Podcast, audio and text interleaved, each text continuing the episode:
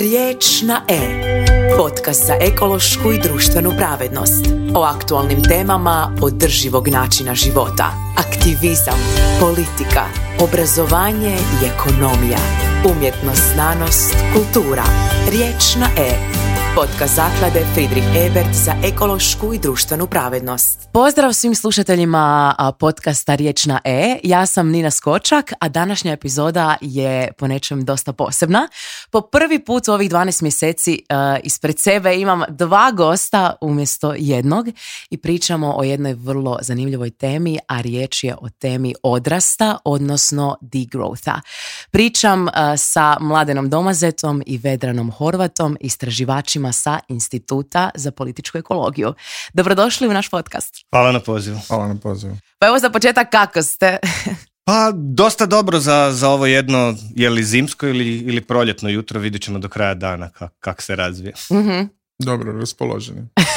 jel, jel burno sad u institutu za političku ekologiju? Jel ima posla? U ovo doba godine uvijek ima posla u institucijama jer se zatvara godina, završavaju projekti, točke na i dodaju, lupaju zadnji štambilji. Tako. Pa evo, Mladen i Vedran, možemo mi krenuti ovaj podcast s tim da vas ja pitam što je uopće odrast? Ja namjerno nisam htjela na početku podcasta napraviti nikakav uvod o ovoj temi jer mislim da bi sigurno nešto propustila, da bi nešto krivo rekla jer je dosta po meni a, zanimljiv i kompliciran koncept. Pa evo može jedan od vas dvojice krenut s time da mi našim slušateljima objasnimo što je u stvari ideja i koncept odrasta. Ajmo probat slušateljima objasniti, iako naravno sve nove ideje uvijek, e, uvijek su još uvijek u, u raspravi i previranju, nema, nema one jednostavne definicije, ali ona koju mi najčešće koristimo danas je da se radi o e, filozofiji e, i strategiji stabilizacije ekonomske aktivnosti kako bi se ostvarili određeni poželjni društveni i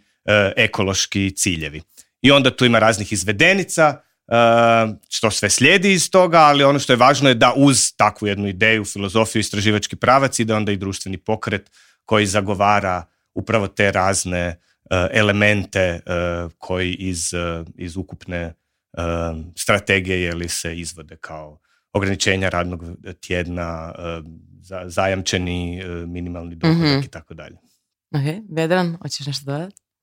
Pa mogu samo dodati da mm, mislim da je E, odrasti kao i pokriti kao filozofija dosta raznolik i e, dolazi iz različitih recimo to e, regionalnih i pogotovo na razini planete, ali ako ćemo govoriti o Europi iz različitih regija gdje se ideja razvijala unutar nekog društvenog konteksta pa postoji neki recimo francuski krugovi, mediteranski, mm. španjolski, njemački.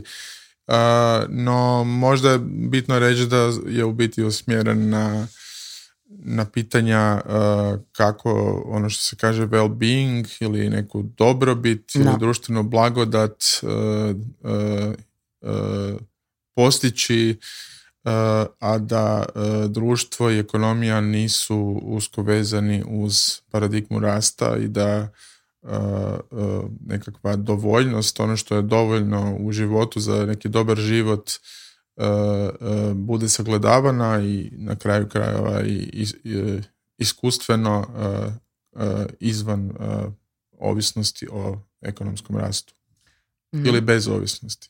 Možda je važno još dodati da kao riječ se radi o provokativnom, namjerno provokativnom pojmu u, uh, u ovoj Hrvatskoj, uh, uh, u hrvatskom prijevodu nastojali smo postići i vezu sa tim sazrijevanjem, mhm. odrastanjem, nekakvom stabilizacijom, mudrošću i zrelošću, ali je i u engleskoj verziji i u francuskoj i onda je ovoj hrvatskoj se radi o provokativnom pojmu kojem se zapravo poziva na pitanje mhm. šta je to i kako to mislite suprotno od e, ove klasične Ali vjeruješ da mi je to htjelo biti iduće pitanje, jer iskreno kad sam ja prvi put vidjela taj izraz, prva pomisla mi je bio dobro kao Uopće nisam mogla staviti u kontekst u koje polje bi to stavila, na što se točno odnosi. i Prvo mi se činilo da izraz nije dovoljno dobar u hrvatskom jeziku, ali da, kak se objasnio, ipak mislim da je fora. A koji bi ti bio draži u hrvatskom? Šta ti je palo na pamet kao prvi e, pa, pa, alternativa? kao na engleskom je degrowth i ona sam mislila kao nerast, e, ali kao to je opet čudno, opet čudno zvuči. I, ali u hrvatskom, da, ne znam koja bi bila druga alternativa. Razmišljali jesmo svojedobno o tom nerastu, ali ja ne znam eh, koliko je slušateljstvo ovdje mhm. upoznato, ali ta riječ je u hrvatskom već zauzeta da? za jedan specifični pojam. Da. Za A za određenu vrstu svinje koja se tovi za... Eh, dobro, dobro da znamo, vidi se ko je odrastao u gradu. Ovaj. Ali u inozemnim krugovima i u nekim raspravama koje imamo sa kolegama istraživačima e, u Europi, oni su prilično u biti e, mislim, prilično smo privilegirani što možemo uh, degrowth predstaviti i nekako gurati kao pozitivan termin, jer on biti u mhm. ovom prijevodu E, nema one negativne konotacije koje često ima e, kad na engleskom ili u nekim drugim e, da.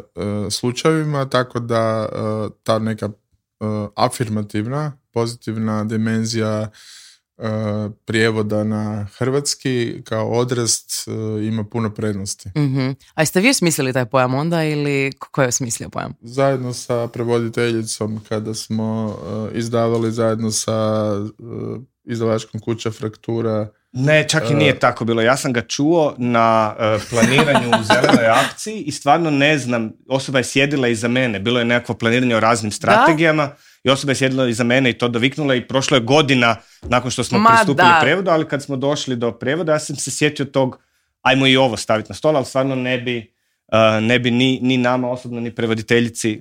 Postoji netko ko je... Eh, dakle, anonimni, izvor. Anonimni izvor je rekao, iza, ali je stvarno eh, se primio. Znači, ako nas ta osoba trenutno slušala kojim neka slučajem neka se javi i da joj možemo dati ovaj, u, tu privilegiju autora izraza. U samom izdanju ove knjige Odras pojmovnik za novu eru smo tako i naveli u Fusnoti da, da nismo mi izmislili gdje, gdje smo ga prvi put čuli Um, I evo, nismo još e, dobili konkluzivno Ora. javljanje, ali nije ni bitno. Ono što da, bitno da se razgovara o pojmu. Super. A, zanima me kako ste vi ušli u tu vodu toga, kako je vas to počelo zanimati i kako je Institut za političku ekologiju u stvari prvi put uronio u a, taj pojam odraza i zanimanje za to?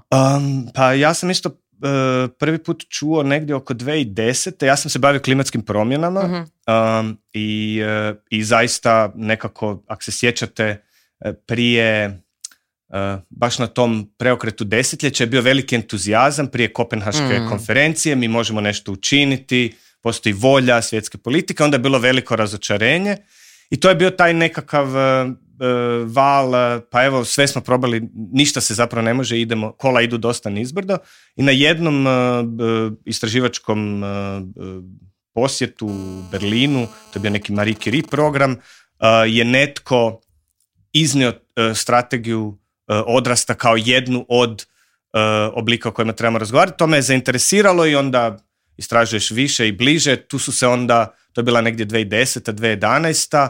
2014. smo već bili na prvoj velikoj konferenciji, to je bila četvrta međunarodna, događale su se svake dvije godine, ali ta četvrta u Leipzigu je bila jako velika, bio je već i, dosta značajan odjek i kroz rad e, tada i Grupe 22 koja je u nekoj mjeri prethodila osnivanju Instituta za mm. političku ekologiju, već smo onda razmišljali o tome da pozovemo govornike, da otvorimo debate o tome i e, to je neki osobni put, e, a onda mislim da kad je institut osnovan i kad smo počeli raditi, opet na temama i klimatskih promjena i zelene tranzicije, bilo je važno da zapravo pokrijemo čini mi se razne ozbiljne strategije pristupa, eh, pristupa izbjegavanju katastrofalnih eh, ishoda klimatskih promjena. Rekao. I super, oboje ste... Da, želiš eh, nastaviti?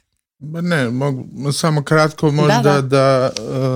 ja uh, sam u početku svakako bio uh, skept, skeptični prema samom konceptu e, i ne mogu reći da sam u tom nekako religiozno pristupio tome, e, ali i pokušavao sam nekako e, unutar organizacije uvijek graditi neku raspravu između odrasta i drugih modela vezanih uz primjerice zeleni rasti i sličnih koncepata koji su možda puno više reformistički nego e, transformativni poput odrasta e, ali kako vrijeme ide e, puno sam uvjereni i skloni tome da u biti odrast je ta neka alternativa mhm.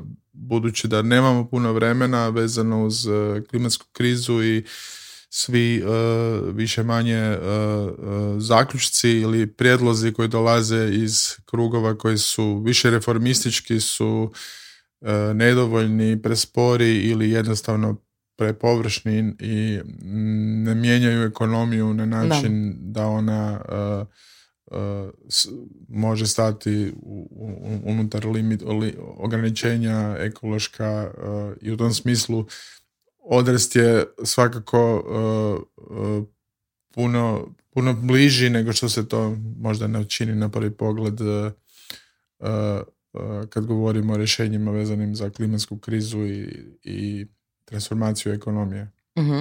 Kako si Vedan rekao da si bio skeptik na početku, malo skeptičan, vjerujem da je dosta ljudi skeptično a, prema ovoj ideji jer nekako nam se već desetljećima nameće ta paradigma da je rast jedino rješenje i sve što je vezano uz rast se nekako vezuje uz blagostanje, uz nešto što je pozitivno, a sve što je vezano uz taj nerast, ono što je suprotno rastu, se automatski asocira uz, uz recesiju, krizu, siromaštvo i slično.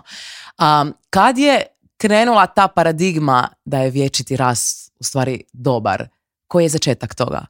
Rekao ono, povijesna teorija nam govori da e, počelo se nametat kao politički cilj 1950-ih e, upravo kao alternativa e, e, drugačijim oblicima modernizacije od tada jednog od dva natjecanja kapitalističke ekspanzije i, i povezane ne znam, imperialnog uključivanja mm.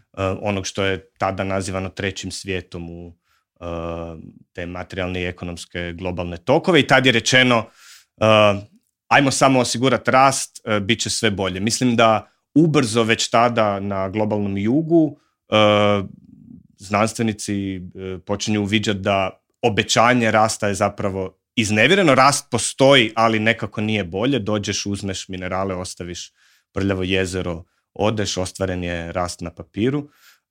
I E, tu postoji taj, e, ta snažna struja e, pokreta odrasta sa globalnog juga koja često koristi i druge mhm. nazive, upravo to i je neka snaga odrasta da dozvoljava pod kapom taj, ponekad ga zovemo pluriverzum mm različitih viđenja, pa imamo u Indiji svarađ, imamo u Latinskoj Americi buen vivir, E, u Africi e, ima tradicionalni e, pojam u buntu, oko opet.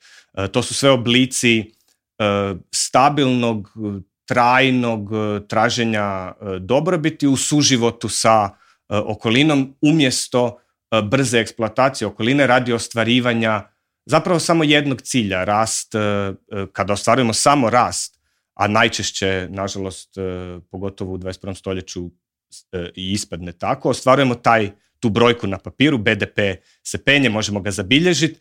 E, širi spektar e, koji je obećan uz to, od bit će mi bolje, imat ću više i dobrobiti, ne ostvaruje se zapravo tako da, da danas kad predajemo odrast studentima na, na početnim godinama studija, onda jedna od stvari koju kažemo ekonomski rast više nije ekonomičan, jer zapravo proizvodi više štete nego te e, stvarne koristi. Mm, mislim da e, možemo reći da u biti e, odrast je vrlo često i, i neugodan na neki način ili se čini neugodan jer dokida taj mit o vječnom rastu. Da.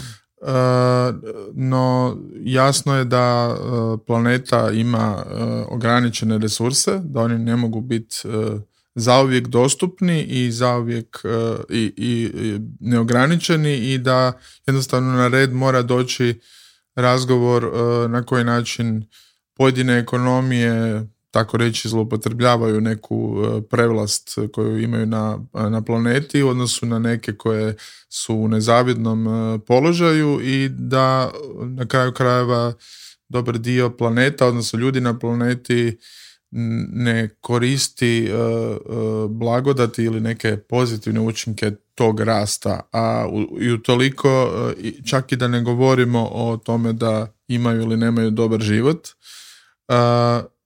no zato je odrast u biti dobra i početna točka za raspravu da se vidi na koji način su te dobrobiti ovakvog modela uopće mhm. raspoređene u, u, na planeti i u društvima, a s druge strane da se e, i pokrenu neke šire rasprave koje se ne tiču samo uh, ovisnosti o, rastu nego i, i društvenih nejednakosti i načina na koje su rizici vezani uz e, neke ekološke promjene poput klimatskih promjena ali i drugih raspoređeni u društvu mhm. i na koji način oni koji su kao takozvani gubitnici E, e, koje su njihove šanse da e, postignu uvjete za, za dobar život. I u tom smislu neodgovorno je kada političari, ali možda i neki ekonomski stručnjaci zagovaraju tu vječnu ideju o rastu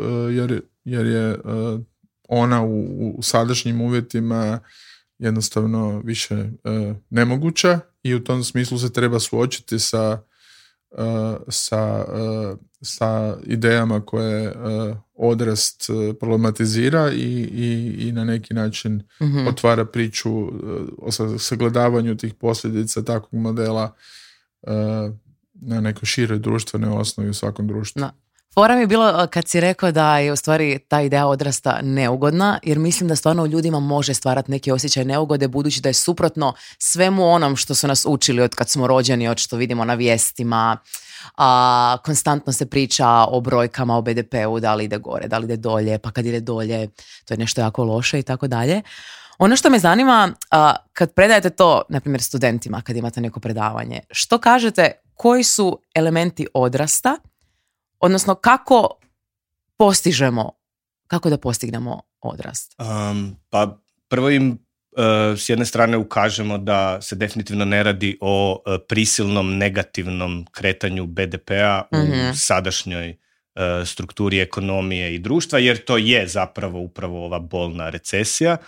S druge strane, ja nekako imam dojam da uvijek kad smo bili mali smo željeli odrasti, i željeli smo odrasti mhm. do one razine na kojoj su odrasli koji su nam bili uzor bili. Nismo željeli vječno rasti. Nitko nije želio prerast svoju kuću, biti najveća i najdeblja osoba u svom okruženju ili tako nešto, nego želiš biti kao, uh, kao i, i drugi. Tako da ima puno pozitivnih konotacija baš sa sazrijevanjem, sa, uh, sa zrelošću, sa postizanjem tog cilja i mudrošću. Uh, elementi svakako jesu smanjenje pritiska na E, prirodnu okolinu i zapravo e, e, jedna proaktivna orijentacija na zaštitu ili stabilizaciju ili čak popravak u onoj mjeri u kojoj znamo da to možemo te prirodne okoline jer to je neka, neka zadaća u 21. stoljeću. S druge strane, važno je prepoznati i sve potrebe koje imamo za zadovoljstvom, za hranom, za za čak i zgodnom oblekicom, za pokazivanjem eh, i razmišljati o načinima kako te potrebe zadovoljiti tako eh, da eh, uzmanji otisak. Dakle, to je najčešće kroz kolektivno. Ako želimo posjetiti lijepo mjesto, da li ga moramo svi posjećivati individualnim automobilima ili postoji način da se postigne posjećivanje, slikanje na lijepom mjestu, a sa Eh, puno manjim otiskom, pa tu dolazimo do pitanja transporta. Eh, slično je sa eh, životom i radom, u kakvim uvjetima živimo, u kakvim uvjetima radimo u mhm. onom samom materijalnom smislu. I onda naravno je i ovo neko pitanje najčešće dublje filozofsko, a što je dobar život i što zapravo želimo da, života kad shvatimo da zapravo imamo taj neki raspon tu na svijetu, ali da uh, raspon godina, ali da zapravo on ima i neki svoj otisak i pozitivni, ali nažalost i negativni. U tom smislu e, upravo u tom radu sa uvodom e, u temu je dosta važno ukazati da i zemlje kao Hrvatska, koje često mislimo da smo siromašni, e, da tek trebamo sustići tu mhm. razvijenost i bogatstvo kakvo imaju drugi, već sada ostavlja zapravo nepravedno visok otisak po glavi stanovnika na planetarnu, na planetarnu prirodu i da zapravo ima tih gotovo 8 milijardi ljudi je e, mimo stanovnika Hrvatske koji, e, koji zapravo e, imaju jednako pravo na, na korištenje tog planetarnog prostora, a zapravo uspijevaju manje, manje dobrobiti od mhm. toga dobiti. I sad tu se poteže onda rasprava koje su konkretne strategije za Hrvatsku, a koje su za Njemačku, a koje su za Sjedinjene države, a koje su za Burundi. I e, mi imamo i alate i mjerila e, kojima možemo pokazati kakve otiske ostavljaju danas, kakve su ostavljale u zadnjih sto godina, koju dobrobit ostvaruju za građane, ali prvenstveno kao ulaz za raspravu sa tim istim građanima, ok, sad kad to vidimo šta hoćemo i šta možemo napraviti. Ne kao gotove E, gotove, e, kako bi rekao, detaljno zacrtane strategije koje onda dolaze iz, recimo, našeg ureda i govore vam kako ćemo u sljedećih 100 godina živjeti. Da, da, da. Bitno je još možda reći da je e, kod odrasta je bitna ta neka dobrovoljnost na način da da proizvod našeg razumijevanja i shvaćanja ekoloških ograničenja Eh, života na planetu eh, podrazumijeva da, eh, da to nije nikako pitanje žrtve, nikakvog odricanja, nikakvih oštrih mjera štednje i sličnih koncepata koje to, bi to pokušali predstaviti kao nekakvu žrtvu, već više proizvod sagledavanja da ne možemo nastaviti pod navodnicima raubati planetu mm na isti način i istim tempom koji do sada i da, da ono što predstavlja za nas dobar život e, možemo pokušati ostvariti kroz e, druge oblike koji su na prvu ruku možda izgledaju skromni, e, ali su istovremeno i možda i ugodniji ili pogotovo možda korisni za zdravlje, za mentalno zdravlje, za način života, tako da bitno je da razumijemo odrast da je to e, u pitanju neki dizajn društva, a ne samo odgovor kao, e, kao što imamo u ovoj krizi. E, imamo primjerice, možda nisu sve stvari osvijetljene na isti način kao prije ili bazeni su možda pothlađeni ili imamo neki tip redukcija koje se događaju kao nekakav odgovor na nestašicu ili na E, neku oskudicu, a, a u biti e, su jednostavno mogli e, i biti tu i prisutni prije, ali više kao proizvod razumijevanja da ne možemo mm. neku komotnost koju ima zapad, odnosno sjever, globalni sjever održavati tako reći gotovo nekad i beskrupulozno prema nekim drugim dijelovima svijeta koji si to ne mogu priuštiti. U tom smislu je i neka pravednost mhm. tu uključena kao princip e, e, raspodjele užitaka, ugodnosti i neugodnosti. Ali tu je možda važno napomenuti, spomenula se i riječ žrtva i to je opet nešto što pokazujemo i sa konkretnim brojkama, sa tipa e, projektima kao nešto što nazivamo odrasnička krafna ili prijedlog je bio i alka i pojas za spašavanje, radi se o vizualnom alatu, gdje zapravo Hrvatska stoji jako blizu dobrom prostoru s jedne strane, mi jesmo europska razvijena zemlja, mi imamo i oblike zabave i oblike ugodnosti i na kraju krajeva možemo i relativno lako uh, posjetiti europske prijestolnice, ali to ostvarujemo za sad još uvijek, stvari su rapidno sve gore, ali za sad još uvijek ekonomičnije, rekli bismo, nego eh, sjeverna uh, razvijenija, bogatija Europa, a pogotovo Sjeverna Amerika. Tako recimo E, sadašnji život u Hrvatskoj ostvarujemo sa potrošnjom energije po glavi stanovnika koja je unutar e, prihvatljivih e, granica u odnosu na mhm. neke druge, mnoge druge zemlje zapada gdje to nije tako. Tako da mi možemo biti primjer kako manje raubati planetu. Važno je da razmislimo o tome mhm. kako manje raubati jedni druge jer naše društvo je iznimno nejednako i te nejednakosti se povećavaju. O tome moramo također razmišljati u E, razgovoru e, o odrastu, ali rekao bi da Hrvatska e, često cijeli jugoistok Europe zapravo može biti i taj neki dobar primjer kako se može dobro živjeti, a mhm. sa tim manjim otiskom. E sad pitanje je da li to zato što, na primjer, Hrvati stvarno imaju tu svijest ili jednostavno nemaju dovoljno novaca za potrošiti eh, na nešto za što bi inače potrošili, na primjer, kad se spominje putovanja i tako dalje. A realni razlog je zato što Hrvati nasljeđuju e, materijalnu i energetsku infrastrukturu koja je bila bolje ustrojena na a, obnovljivim izvorima i uh, na nekom obliku uh, uh, kolektivnog javnog transporta recimo i tako dalje. Na oblicima zabave koji su uključivali odlazak na nazovimo to tako vlastito more par sto kilometara dalje, a ne istina, e, istina, ne sad, more preko pola svijeta velikim mm. avionom i tako dalje. Um, tako da da, ima tu i kulturološki, ali ima i ovog da da, e, vjerujem da danas e, kakvu klimu smo izgradili kroz e, tranziciju, Hrvati bi potrošili više ostavili veći otisak da više u džepu imaju. Da. I to je tužno.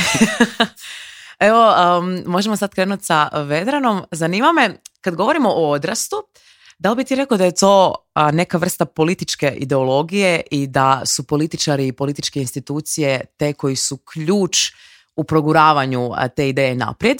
Ili misliš da je to neka ideja koja treba krenuti od pojedinaca, da nije nužno vezana uz političke institucije?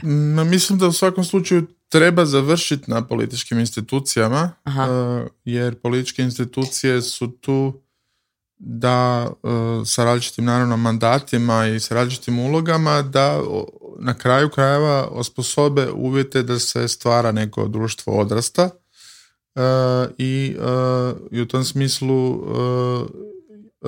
vidim to kao povezano naravno, ne bi rekao jedno ili drugo.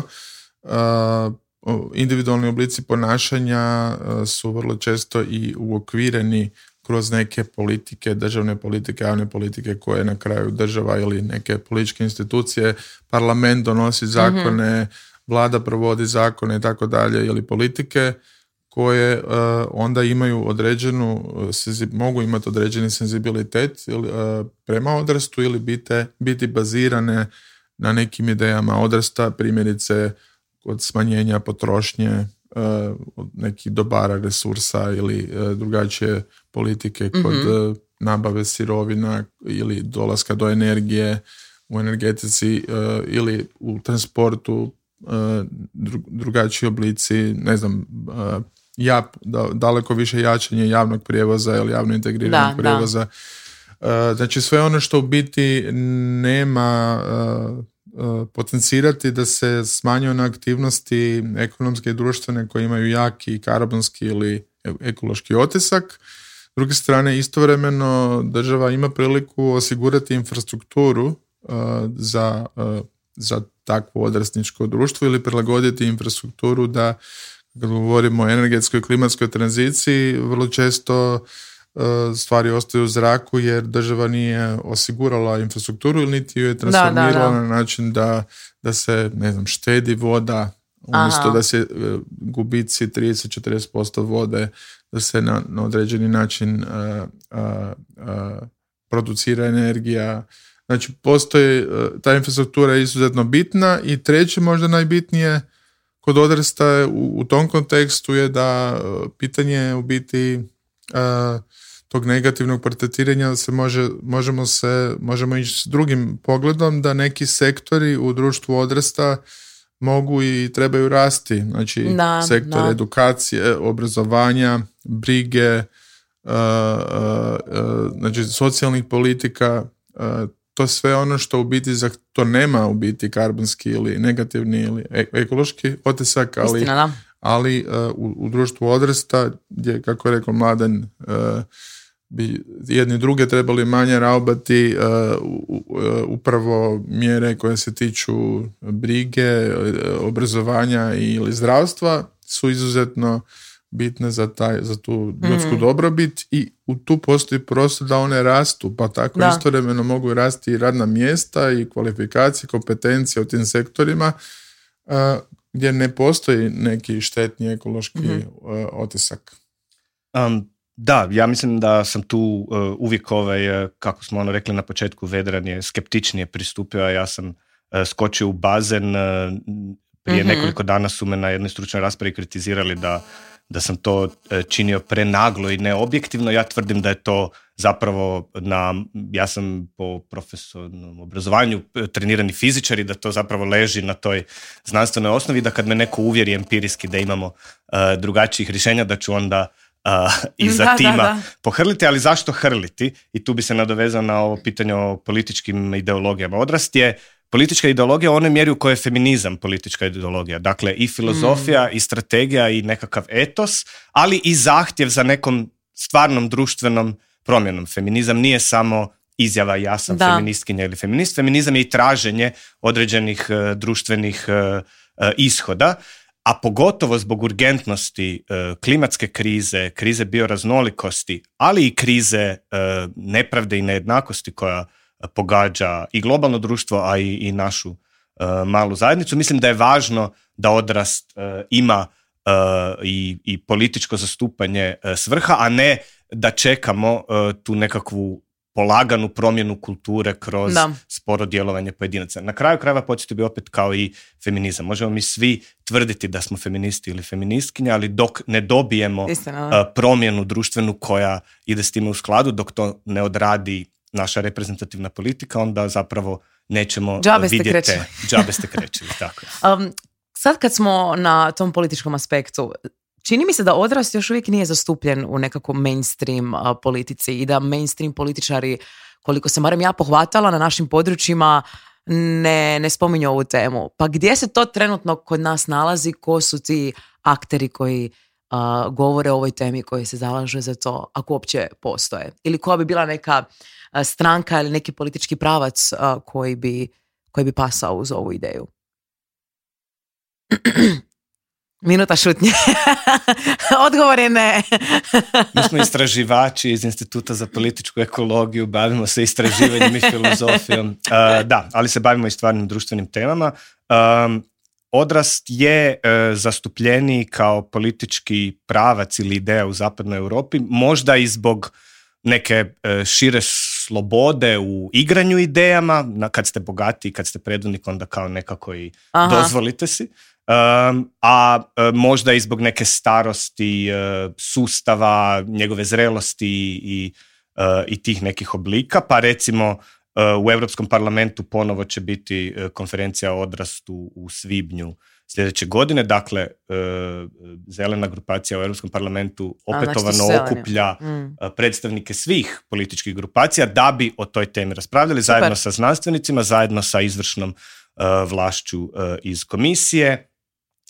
Mislim da političke stranke u tim etabliranim europskim demokracijama imaju svoje odrasničke e, reprezente. Međutim, e, postoji uvijek i taj strah da ne možemo dirati u temelje kapitalizma, da se ne usudimo mm. promišljati drugačije uređenje ekonomije i društva i da je bolje ne talasati, pogotovo ja bih rekao u političkoj sferi koja ima jedan prostor u kojem može bitno talasati, može pozivati na, na velike parole u nekim segmentima, ali neke segmente, kao recimo E, e, javni prevoz ili javno integrirani prevoz ne propituje dovoljno e, duboko. Mi zaista recimo u klimatskoj krizi i krizi bioraznolikosti i zapravo krizi resursa koje su povezane s bioraznolikošću ne možemo planirati svi voziti jednaki broj automobila koji vozimo danas samo električnih, nego moramo razmišljati kako da se od A do B prebacujemo, kako da ostvarujemo životne potrebe kroz uh,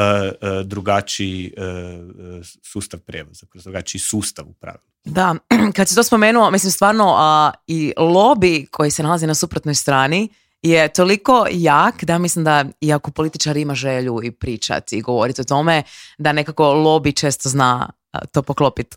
Pa uh, pravi instant. političar treba imati snagu da ide i protiv lobija. Naravno, kada da, Ja opet idem iz ove perspektive znanstvenika gdje dokazite u nešto uvjere uh, i nešto dovoljno čvrsto pokazuju, nikad te ne uvjere 100%, ali da, te uvjere 99%, da onda zaista racionalno je postupati prema najboljoj procjeni iz uh, postojećih dokaza, bez obzira na E, na lobije, pa e, mislim da u tom smislu i kod nas e, postoje zelene politike u, nastajanju, razvoju, u promišljanju i da zapravo vrlo brzo sustižemo tu raspravu koja se odvija u velikoj mjeri u Europi, kažem i sa međunarodnim konferencijama od, o odrastu, od kojih će sljedeća deveta biti u Zagrebu, sljedeće jeseni, razgovara se zapravo globalno, ali ima i određeni jaki intenzitet rasprave upravo u europskom području, što zbog tog odnosa e, bogatstvo i privilegija mhm. razgovora često e, privilegiju razgovaranja o promjenama strategije imaš samo onda kada imaš dovoljno vremena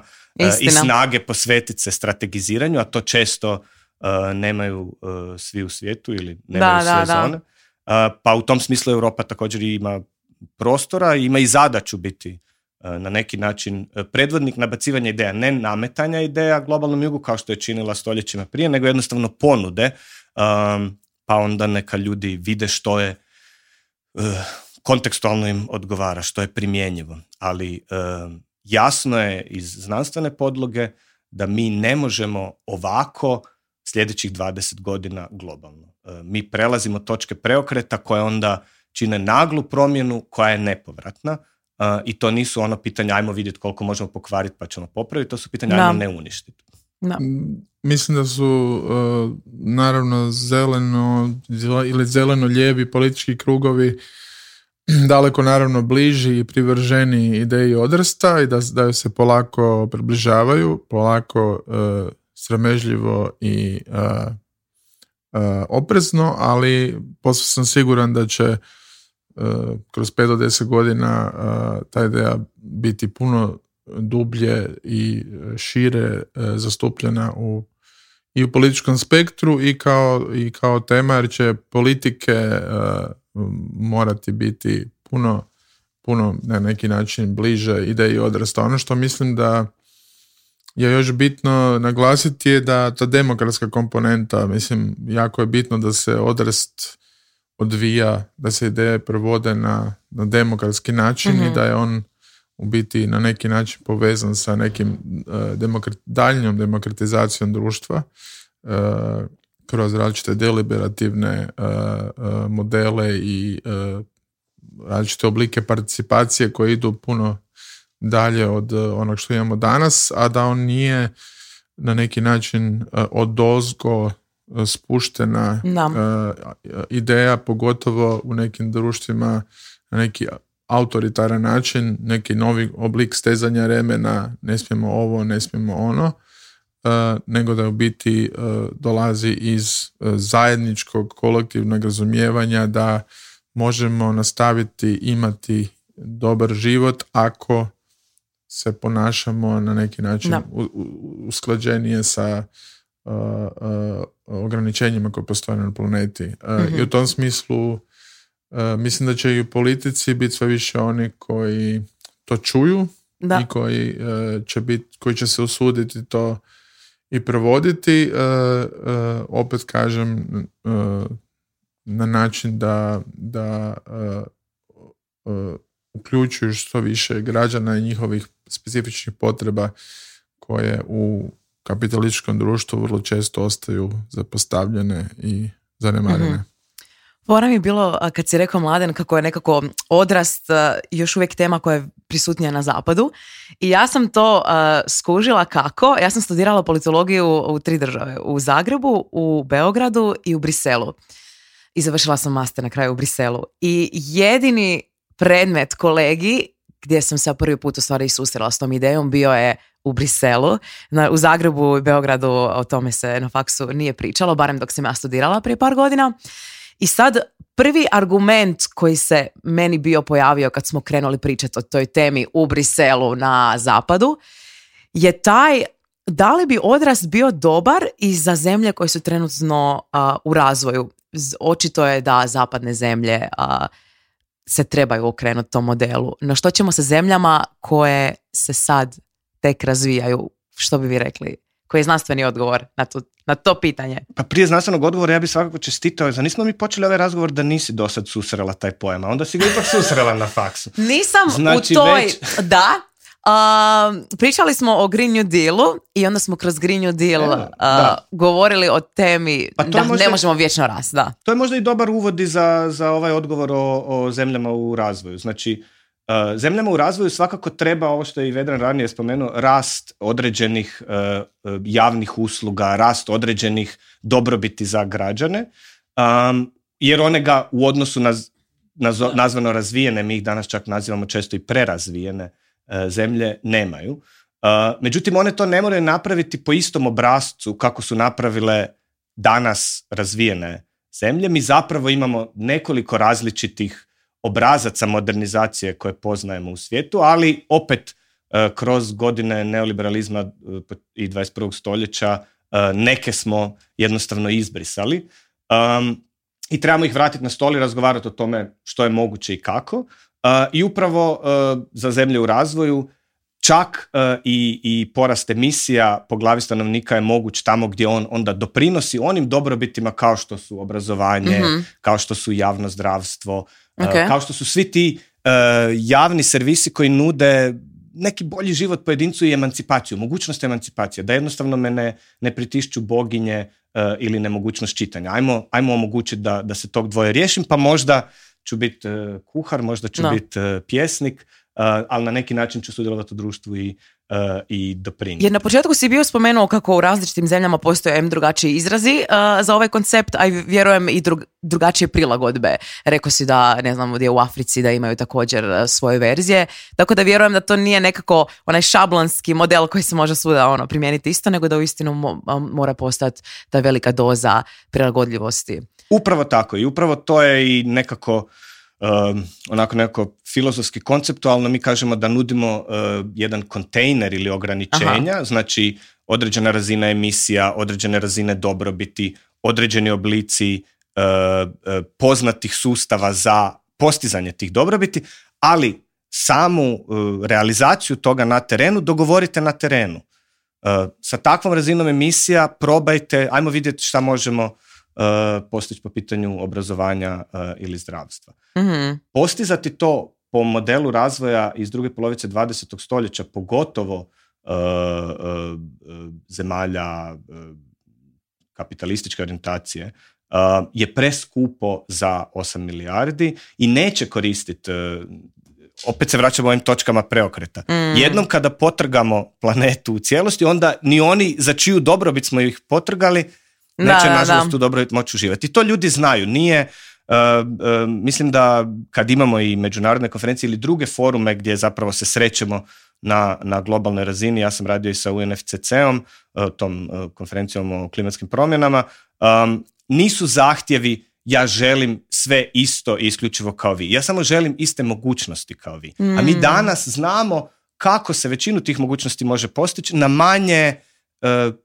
ekološki recimo štetan način i na manje društveno štetan način, jer isto ne smijemo zaboraviti dosta mogućnosti koje smo dobili, dobili smo ponekad i preko leđa nekih drugih ljudi. I to često ne vidimo dovoljno ili ne osvješćujemo da, dovoljno. Definitivno, pogotovo na zapadu, da. Da, i onda to, recimo da, da i to sad osvijestimo pa da probamo i neke nepravde ispraviti ili barem malo uh, popraviti. Mhm. I za kraj, htjela bih vas pitati, vjerujem da će većini slušatelja ovo biti uh, nova tema, što bi im preporučili gdje da se informiraju o ovome? Što da čitaju? Koga da čitaju? A na našim stranicama instituta ima dosta tekstova e, koje e, što blogovske forme, što e, uvodnih tekstova za knjige koje se mogu lako pristupiti mm skinut. mislim da ko voli čitati na engleskom ima veliko izobilje tekstova, postoji čak i centralni repozitorij i znanstvenih i popularnih radova pod temom degrowth kao engleskim terminom, a najvažnije za čitati e, e, uvodno u Hrvatskoj je zbornik koji su izdali Fraktura i Institut za političku ekologiju koji se zove Odrast pojmovnik za novu eru. Može biti dobar božićni poklon ili provokacija za svađu za božićnim ručkom, mhm. ali tu zapravo e, uz jedan širi uvodni tekst koji pokriva onda i povijest i izvor termina i tako dalje, se dalje daje pregled negdje 50 pojmova u vrlo kratkoj formi do pet stranica, pojmova koji su važni, upravo ono što smo možda na početku spomenuli, koji su elementi odrasta. Mhm. Od garancije zaposlenja, od ekoloških pitanja, od kritika razvoja, od pedagogije katastrofe eh, i to je zaista to po meni, da? najzanimljiviji, naj, nekako lakši uvod i tu smo se zaista potrudili, to je eh, jedan eh, vrlo dobro određeni prijevod od prije par godina. Super. Vedran, što ima eh, Institut za političku ekologiju u planu za iduću godinu vezano uz odrast? Evo kako je, mogu još samo ponoviti eh, ono što je Mladen već rekao da veliki dio naše energije sada odlazi eh, u smjeru organiziranja devete međunarodne konferencije o odrastu mhm. koja će se u Zagrebu od- odvijati od 29. kolovoza do 2. rujna. E, na našim web stranicama, ali i u društvenim medijima ćemo idućih mjeseci biti sve prisutni s tim najavama. E, može se očekivati e, nekoliko stotina gostiju, jako bogati program rasprava, predavanja i jedan, tako reći, mekši festivalski dio koji će u biti promovirati odrast ne samo kao znanstvenu disciplinu, ne samo kao društveni pokret, nego isto i kao neku e, način života e, više e, integrirano znači sve ovo o čemu govorimo i politički i ekonomski i ekološki i znanstveno i tako da možemo znači najaviti taj događaj i naravno zajedno sa partnerskim organizacijama iz Hrvatske e, e, i e, susjedstva i Europe radimo na tome da taj događaj bude što vidljiviji i da na neki način i naši gradovi i društvo imaju od toga i vide direktnu, direktnu korist i relevantnost. Odlično. Sljedeće ljeto Zagreb će biti prijestolnica trezvenih rasprava o odrastu globalno i to je nešto što će biti baš zanimljivo, a bit će i dobre zabave usput. Fenomenalno. Znači save the date 20, 28.8. do 2.9. To je to. Zagreb.